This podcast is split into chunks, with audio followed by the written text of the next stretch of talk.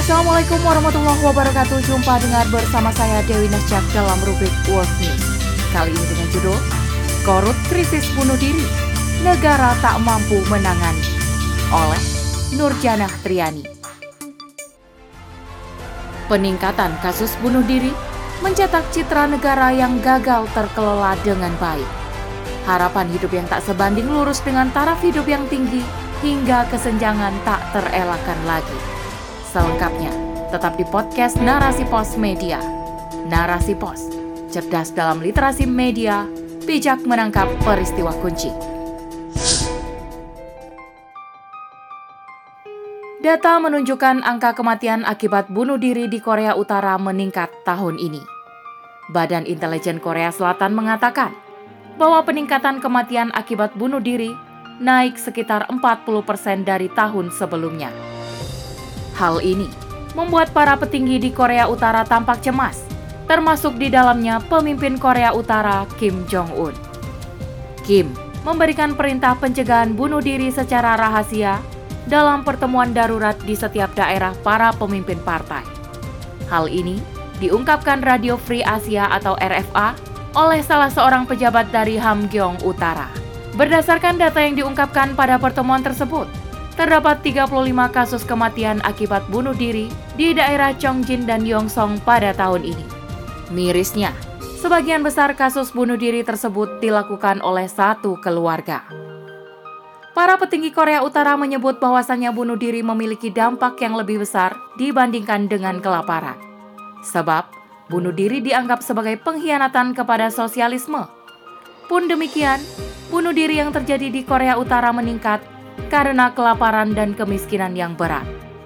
Ketika satu persatu anggota keluarga meninggal karena kelaparan, anggota keluarga lain memutuskan mengakhiri hidupnya sebab tak kuat bertahan dalam sesaknya kelaparan. Para pejabat merasa untuk kondisi demikian, tak ada tindakan yang dapat dilakukan sebagai upaya pencegahan. Bunuh diri satu keluarga pun disebut sebagai pembangkangan terakhir terhadap sistem tanpa harapan. Peningkatan kasus bunuh diri tak lepas dari keadaan sulit saat ini. Kelaparan dan kemiskinan yang menimpa masyarakat membuat nyawa dan semangat hidup ikut sekarat. Ditambah biaya hidup yang fantastis – sangat membuat masyarakat meringis. Tak heran jika mengakhiri hidup dinilai sebagai salah satu cara mengakhiri penderitaan di dunia. Hal ini tidak lepas dari peran negara sebagai pengayom dan pelindung warga negaranya. Tatkala negara acuh tak acuh dengan kondisi yang ada, masyarakat seolah perlu berjuang sendiri sekuat tenaga. Namun, berjuang seorang diri melawan arus globalisasi hingga taraf hidup yang tinggi bak berenang di lautan yang tak bertepi. Lelah, hingga akhirnya mudah menyerah. Tak heran, banyak jiwa-jiwa berguguran. Negara tak lagi pada porsinya sebagai penjaga, sebab sistem yang dianut pun tak memiliki peraturan dengan penyelesaian sempurna.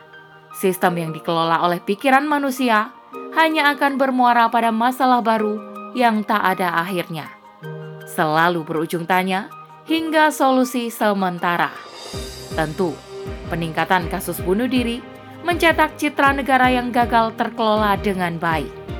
Harapan hidup yang tak sebanding lurus dengan taraf hidup yang tinggi hingga kesenjangan tak terelakkan lagi. Sosialis yang menganggap seluruh hal merupakan materi, maka tak heran menganggap bunuh diri sebagai akhir dari penderitaan diri. Sebab, menganggap bahwa manusia akan kembali menjadi materi, maka merasa keputusan yang tepat bahwa kepahitan dunia dapat diakhiri dengan mati. Sistem sosialis yang hanya mengetahui tentang materi, maka tak akan paham bagaimana cara kerja hati dan nurani. Dari sistem ini, lahir egoisme memikirkan diri sendiri. Sebab hanya berpangku pada materi, diri dirasa dapat menemukan ketenangan hati. Hal ini tentu berdampak pada keputusan yang akan diambil. Seperti pemimpin Korea Utara yang tak segan menembak mati seseorang yang berkhianat kepadanya. Sistem ini tak melahirkan pemimpin yang mencintai rakyat dan rakyat yang mencintai pemimpinnya. Namun, semua hanya berlandas pada materi dan kepuasan diri.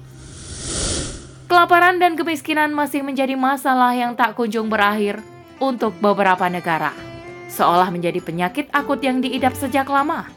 Bukan hanya Korea Utara, di berbagai belahan bumi lainnya, masih banyak perut-perut yang berbunyi menahan lapar dan dahaga.